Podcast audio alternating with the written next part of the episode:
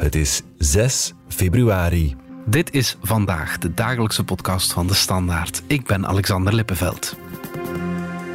Als we aan landen denken die kreunen onder de komst van nieuwe asielzoekers, dan denken we aan de Griekse eilanden bijvoorbeeld. Sommigen gaan zelfs aan ons eigen land denken, of misschien aan het Verenigd Koninkrijk. Maar het land dat echt procentueel het hoogste aantal asielzoekers heeft ter wereld, dat is Cyprus. Het verhaal van dit eiland is ook belangrijk voor ons, omdat Cyprus door zijn unieke geschiedenis op zoek moet naar een ander nieuw asielbeleid. Collega Bart Tobbelaren praat erover met Casper Goethals.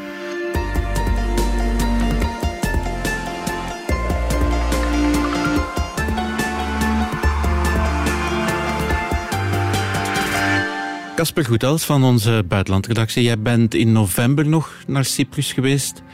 En dat was niet echt om op vakantie te gaan, hè? Nee, dat was niet echt om op vakantie te gaan. Het was daar wel mooi weer, maar de situatie in Cyprus is uh, zeer zorgwekkend. En we hebben daar eigenlijk nog heel weinig over gehoord. En ik volg al een paar jaar migratie voor de standaard. En de cijfers van het aantal asielzoekers in Cyprus is de laatste jaren echt geëxplodeerd. En dat is verrassend. Je vraagt je af hoe komen die mensen in godsnaam daar? En toch is het een eiland waar het aantal asielzoekers vorig jaar bijna 20.000 was. Mhm. Het jaar daarvoor meer dan 10.000, dus een, een, verdubbeling. En het is een eiland met maar 900.000 inwoners. Dus op dit moment gaat het om bijna 6% van de bevolking die asielzoeker is. Dat is een hallucinant aantal. Als we dat op Duitsland zouden extrapoleren, dan gaat het over 6 miljoen asielzoekers over de laatste jaren. Dus een situatie die daar in Cyprus ook volledig uit de hand loopt. Je praatte daarover met hun minister van Binnenlandse Zaken en we gaan toch heel even luisteren naar wat die man zegt. I think that uh, it's not far the day that the asylum systems will collapse. Because if I talk about my country, by the time that nowadays 6% of the population are asylum applicants, you can imagine how huge is the problem. We have rejected 14,500 people and we've managed to return less than 3,000. So the rest they remain on the island illegal. Mm. So you are right. If the situation will continue and double the next year, the system will collapse. Mm -hmm. Hij ziet straks nog, zo zegt hij, het hele systeem instorten die, die minister, ik zat daar tegenover een man die compleet wanhopig was. Hè. Die zei van, wij zijn ook een EU-lidstaat, maar we zitten een beetje ver van de rest van Europa. Maar wij dreigen hier met een situatie te zitten die totaal uit de hand loopt. We hebben een aantal vluchtelingenkampen bijgebouwd. Die zitten alweer vol. Uh, wij spenderen enorm veel geld aan die asielcrisis. Die situatie uh, kunnen wij niet meer volhouden. En dus er wou... moet nu iets gebeuren. En hij wou echt tijd maken voor jou om het eigenlijk dat de, dat de wereld, enfin, dat wij weten dat dit gaande is in Cyprus. Want ja, in het begin zeiden we het, hè, we, we beseffen het niet echt. Mhm. Ik heb daar een, eh, een tijdje zitten wachten buiten uh, zijn kantoortje. En daar stond uh, zo'n groot televisiescherm waarop duidelijk werd gemaakt eigenlijk waarom ik daar was. Want er waren de hele tijd videobeelden van drones die beelden maken van nieuwe kampen die worden aangelegd. En ook al in die video waren de boodschappen nogal apocalyptisch. Dat dreigt dus binnen een jaar, als er opnieuw zo'n verdubbeling van het aantal asielzoekers is, dan is dat werkelijk een overspoeling voor hen. En dan dreigt dat te leiden tot uh, vluchtelingenkampen zoals in Lesbos, waar mensen moeten kamperen, bivakeren in verschrikkelijke omstandigheden rond de bestaande infrastructuur die niet volstaat. Mensen die met uh, verschillende gezinnen samen van die uh, containerhuisjes moeten delen. De situaties die tot geweld leiden, brand, problematieken die, die altijd opduiken als te veel mensen op te weinig plek en met te weinig accommodatie ergens samenhokken. En ja, dat is iets wat dat voorlopig nog in geen enkel uh, internationaal medium echt grondig is opgepakt. Waar komen de asielzoekers vooral vandaan? De situatie van Cyprus is eigenlijk een hele unieke. Asielzoekers in Cyprus kwamen de voorbije jaren vaak uit die landen die rond dat eiland liggen.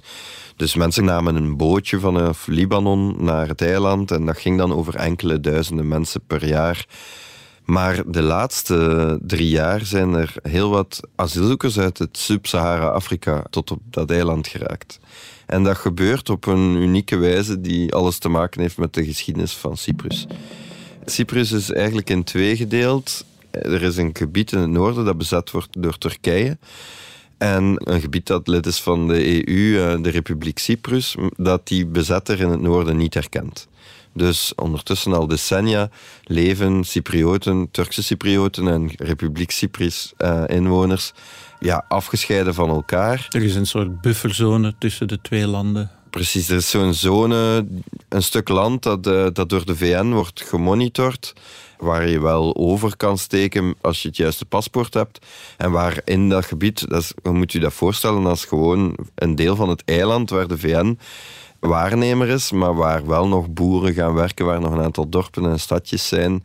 Een tienduizendtal mensen wonen daar. Dus ja, dat eiland, omdat die zuidelijke kant van Cyprus die splitsing niet herkent, is eigenlijk één eiland uh, waar op sommige plekken wel hekken staan en hier en daar ook grenscontroles van de VN.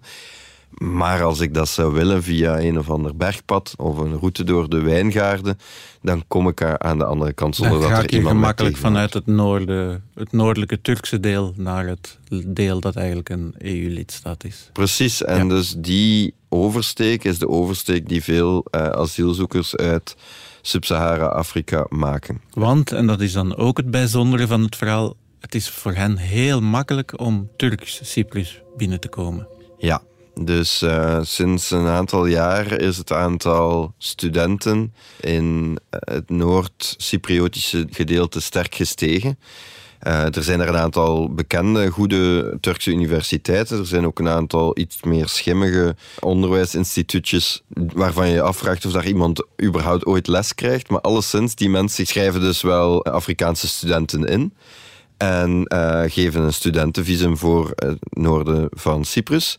En die mensen nemen dan een vlucht, vaak met de Turkish Airlines, naar Istanbul vanaf Cameroen, vanaf Congo, vanaf uh, West-Afrikaanse landen, uh, noem maar op, naar Istanbul en vandaar door naar het uh, noorden van Cyprus. En de voorbije jaren was dat soms ook om echt te studeren.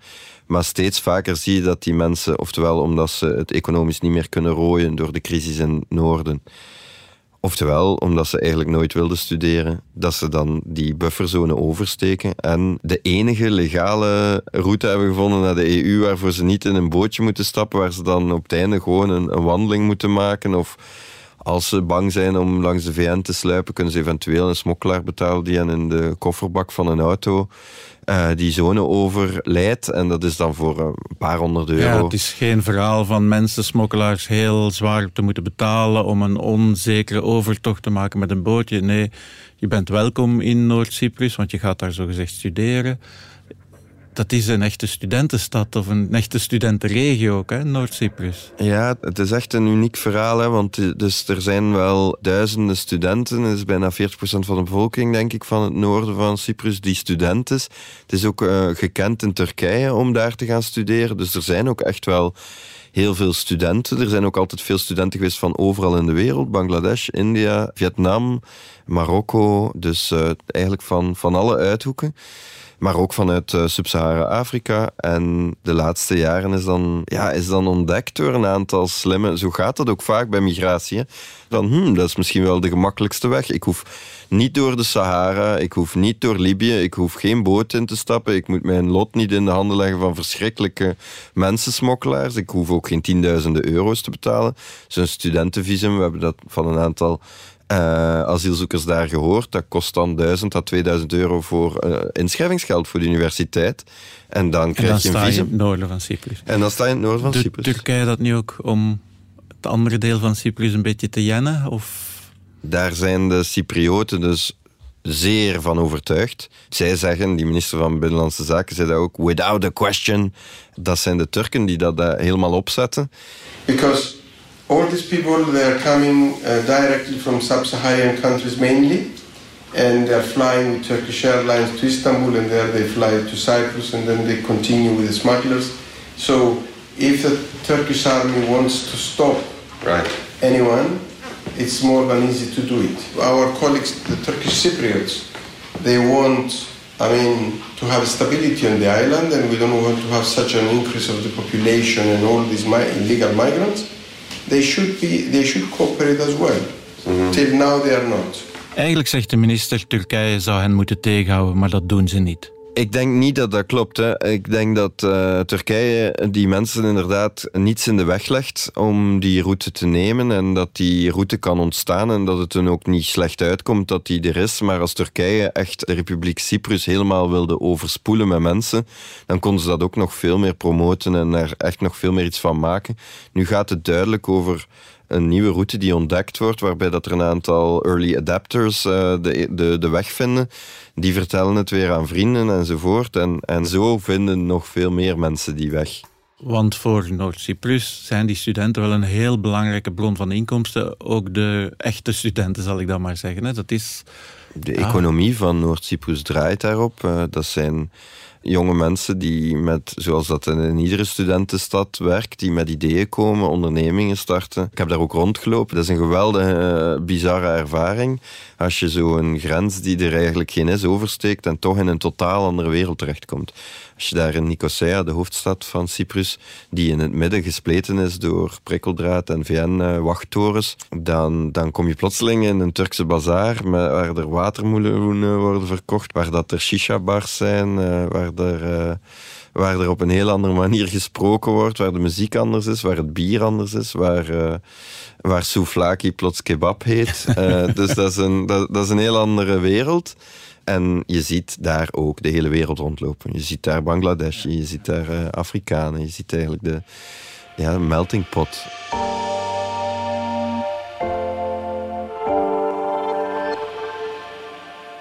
Maar laten we eens teruggaan naar de asielzoekers. Ik ben iemand uit uh, Congo. Ik kom aan in Noord-Cyprus om te studeren. Ik laat mij over de grens smokkelen. Wat je zei, dat is helemaal niet zo moeilijk. Maar dan ben ik in Europa, ja. Maar tegelijkertijd betekent het niet dat ik meteen vanuit het uh, Europese deel van Cyprus dan maar een ticket moet kopen naar Berlijn en ik ben eindelijk in Duitsland. Nee, dat klopt. Cyprus behoort niet tot Schengen. Dus je kan niet gewoon zomaar één keer je daar bent, zoals bij ons, uh, de auto, de Vrij trein of het reizen vliegtuig naar nemen. andere landen van Europa. hè? Nee, maar dat blijft wel, en dat is ook iets wat die minister van Binnenlandse Zaken zei. We moeten eigenlijk een informatiecampagne opzetten, ook in Afrika, om te laten weten: Cyprus is not uh, Europe. Because Cyprus does not belong in the Schengen area, and they, they are not acceptable leaving Cyprus to go over there. So if we inform them properly and effectively that this is not the, the, the best destination, this is not the easiest destination if they want to go to Europe, that might be again helpful uh, to uh, handle the problem. A lot of people they come here and when we interview them, they say, "But I don't want to stay here. I want to go to Germany," but they cannot. So they are trapped on the island, and um, we are facing all these problems. Je zei daarnet van in de hoofdstad heb je inderdaad tussen die twee delen een duidelijke grens. Moeten zij niet proberen, het is niet zo sympathiek wat ik ga zeggen, maar die asielzoekers in Noord-Cyprus te houden door die, er een echte harde grens van te maken? Of is dat politiek niet zo eenvoudig om een grote muur te zetten, ik zeg het u heel cru, tussen het noorden van Cyprus en het Europese deel? Die minister van Binnenlandse Zaken die zei het eigenlijk zeer duidelijk. Ik zou niets liever willen dan de oplossing die de rest van de EU heeft, uh, heeft gevonden. En als we daar dan naar de feiten gaan kijken, wat betekent dat? Landen aan onze buitengrenzen die uh, gebruiken pushbacks. Die richten hekken op, die doen meer patrouilles en die vangen uh, asielzoekers die uh, proberen de EU binnen te gaan, kidnappen hen, zetten in hun huisjes en duwen hen dan, al dan niet met geweld, de grens over en je hebt er geen last meer van. Uit het oog is uit het hart. Dat is het Europese beleid op, op de grond. Daar heb ik ook vaak over geschreven. In Cyprus zouden ze dat maar wat graag doen. Dat is dus echt zo. Dat mm -hmm. zegt die minister ook. Maar dat kan niet zomaar. Want Cyprus erkent die bezetter niet in het noorden. Niet, ja. Dus dat hele gebied afscheiden door middel van om teven welke ferme grens zou betekenen dat ze de facto erkennen dat dat twee landen zijn. En Cyprus wil geen twee-staten-oplossing en wil nog altijd de bevrijding van het bezette noordelijke gedeelte. En dus eigenlijk de meest rechtse, meest nationalistische partijen in de Republiek Cyprus, waar je van zou verwachten, dat zijn degenen die het vorst pleiten die de voor muur gaan bouwen, ja. Ja, dat zijn ook de meeste hardliners op het gedeelte van we moeten hard uh, optreden tegen Turkije en we kunnen zeker geen hek bouwen, zeker geen muur, want dan herkennen we de grens. Dus dan komen er allemaal van de raarste ideeën. Ze hebben zelfs voorgesteld om er cactussen te planten. Om hele stukken van die bufferzone vol te planten met cactussen, zodat er niemand over kan geraken. Dat is een beetje een Orwelliaanse situatie, want dat gaat natuurlijk uiteindelijk ook niet helpen. En die pushbacks die kunnen ook niet, want dan wandel je gewoon elders eroverheen. En, uh, en dus uh, moeten ze op zoek naar een andere methode. Hoe pakt Cyprus dit nu aan? Want je zei al van ze bouwen heel veel opvangcentra. Ze proberen neem ik aan ook akkoorden te sluiten met de landen waar die asielzoekers uitkomen. Het feit dat Cyprus een situatie heeft die niet te managen valt, betekent dat ze dat de grens open laten staan zoals het nu is, niet mogelijk is. Aan de andere kant uh, kunnen ze die mensen dus niet terugduwen met pushbacks. En dat maakt dus dat dat een metafoor is voor heel het migratiedebat van de Europese Unie. Geen open grenzen, geen hard geweld, wat dan wel. En dan kom je in voorlopig theoretische modellen van een andere manier van samenwerken met de landen van herkomst waar die mensen vandaan komen. Dus die Cypriotische minister die is voorlopig vooral wanhopig en smeekt aan de rest van de EU om hem te helpen door, en de Duitsers doen dat al voor een stuk, door uh, asielzoekers over te nemen, door meer geld in opvang te steken enzovoort, maar ook door samen met landen van herkomst te gaan, door daar te investeren, door allerlei uh, mechanismes te proberen. En dan moet je dus bijvoorbeeld naar Congo om te zeggen willen jullie die Congolese asielzoekers die hier worden afgewezen terugnemen? En wat willen jullie daarvoor in ruil?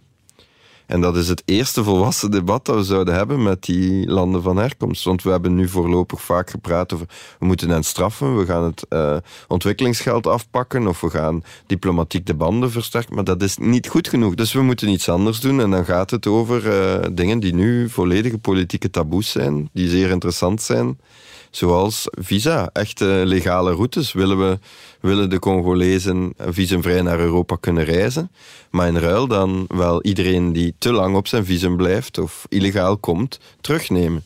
Dus dat is een hele andere, dat is gewoon een soort mindshift in uh, hoe dat we met die landen kunnen babbelen. Uh, want de modellen die we al hebben gehad, zoals met Turkije, we geven veel geld en dan houden jullie ze vast die blijken niet duurzaam, dat lukt moeilijk. Dus Cyprus is de komende jaren gewoon uh, razend interessant om te zien. De twee modellen die worden bepleit, open grenzen of hard geweld, zijn alle twee niet mogelijk. Ja, die minister van Binnenlandse Zaken waar ik mee je praatte, hij roemt zich daarop hè, dat Cyprus eigenlijk nog een, groot percentage afgewezen asielzoekers kan terugsturen naar de landen. Maar hij zegt denk ik in jouw gesprek ook met landen bijvoorbeeld in Afrika is dat veel moeilijker. Ja, dus het terugkeerbeleid is in ons publiek debat eigenlijk een beetje een blinde vlek. Maar uh, hoe werkt dat eigenlijk? Waarom kunnen we iemand niet terugsturen? Is, een, uh, is eigenlijk een logische vraag. Je, je hebt een asielprocedure, je wordt afgewezen. Waarom ben je hier dan nog daarna? Dat is omdat als iemand niet terug wil, dat het land van herkomst die moet ontvangen, want dan is het een gedwongen uitzetting. En als het land van herkomst zegt nee, dat is niet een van ons, of we willen hem uh, niet terug, dan kan hij niet terug. Dus je moet een akkoord hebben. Dat is, dat is de basis. En die minister in Cyprus die heeft uh, daar zwaar op ingezet. En die heeft met de landen waar wij in de EU soms ook akkoorden mee kunnen sluiten, eigenlijk best veel bereikt. Dus India, Vietnam, Bangladesh. Hij weet redelijk wat mensen terug te sturen naar die landen. Maar die man is ook naar Cameroen geweest en die is ook naar uh, de Democratische Republiek Congo geweest. En dan kom je in een situatie die als je niet zelf met iets komt waar die landen in geïnteresseerd zijn, dan word je van het kastje naar de muur gestuurd op een soort van Kafkaiaanse methode à la Afrique. Ik heb zelf in Congo ook nog reportages gemaakt en uh, ik weet hoe het kan zijn als je geen nee hoort, maar voelt dat het nooit gaat gebeuren. Dat heeft die minister duidelijk ook meegemaakt. Die kreeg daar te horen, ja, we, natuurlijk zijn we bereid om samen te werken, op voorwaarde dat we de garantie hebben dat onze burgers goed behandeld zullen worden. Dan zegt die Cypriotische minister, maar, maar natuurlijk, dat, dat, dat, dat, is het minste. Dat zal wel lukken. En dan vervolgens gebeurt er niets. Dus zit je in een soort van limbo die pas uh, tot concrete resultaten komt als je echt, denk ik, met, een, met concrete voorstellen komt. En dat klinkt eh, politiek totaal onhaalbaar. Visumvrije reizen voor Marokkanen, Gambianen, Congolezen. Worden we dan niet overspoeld? Dat is politiek onmogelijk, zou je denken. Maar ik zou de vraag kunnen opwerpen: hoeveel landen denk je dat er visumvrij naar Europa kunnen reizen vanuit uh, Latijns-Amerika? Ik mag het antwoord geven, want ik weet het niet. ja. Ik, ik, ik was daar zelf ook door verbaasd. Allemaal. Op Cuba na kunnen al die landen uh, naar de EU reizen. Dus ook Honduras, El Salvador, landen met de hoogste moordcijfers ter wereld.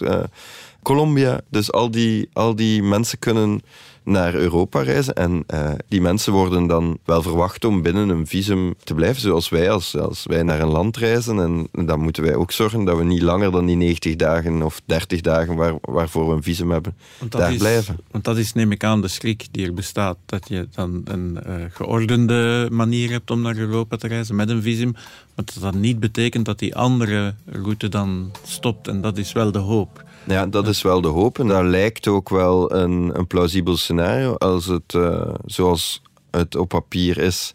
Dat als je geen asiel krijgt, dat je ook snel wordt teruggestuurd. Dan loont die route niet meer. Hè? Als je dus in theorie een goed akkoord hebt met het land waar die persoon vandaan komt, dan kan die worden teruggestuurd nadat die asielaanvraag niet werkt. En dat voelt wrang. Het idee van iemand terugsturen is altijd pijnlijk, want die, heeft hier, die is helemaal naar hier gekomen. Iedere individuele case is een drama. Maar we moeten toch dat debat voeren. Als we een, zoiets hebben als een asielprocedure, dan betekent het ja of nee. Als nee niet nee betekent, waarom hebben we dan heel dat systeem opgetuigd?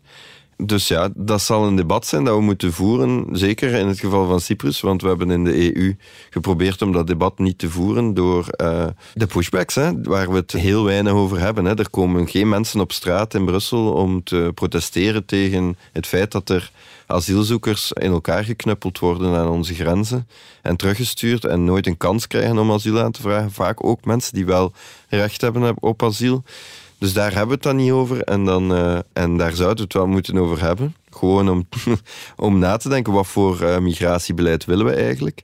En Cyprus dwingt ons om daarover te praten. Of alleszins dwingt Cyprus om daar een, een debat en een oplossing voor te hebben. Want een grens is niet mogelijk. En open grens is ook niet mogelijk. Dus nu moeten we de, misschien eens toch hebben over hoe gaan we in deze complexe wereld praten met uh, landen van herkomst. Dat is heel duidelijk. Casper, hartelijk dank voor de toelichting. All right. Dit was vandaag de dagelijkse podcast van De Standaard. Bedankt voor het luisteren. Volg ons op Spotify, Apple Podcast of eender welk ander podcastplatform. In onze gratis app DS Podcast kan je niet alleen ons werk beluisteren, maar ook de beste podcasttips terugvinden, met zorg geselecteerd door onze redacteur Max de Moor. Alle credits van de podcast die je net hoorde vind je op standaard.be-podcast. Reageren kan via podcast.standaard.be. Morgen zijn we opnieuw.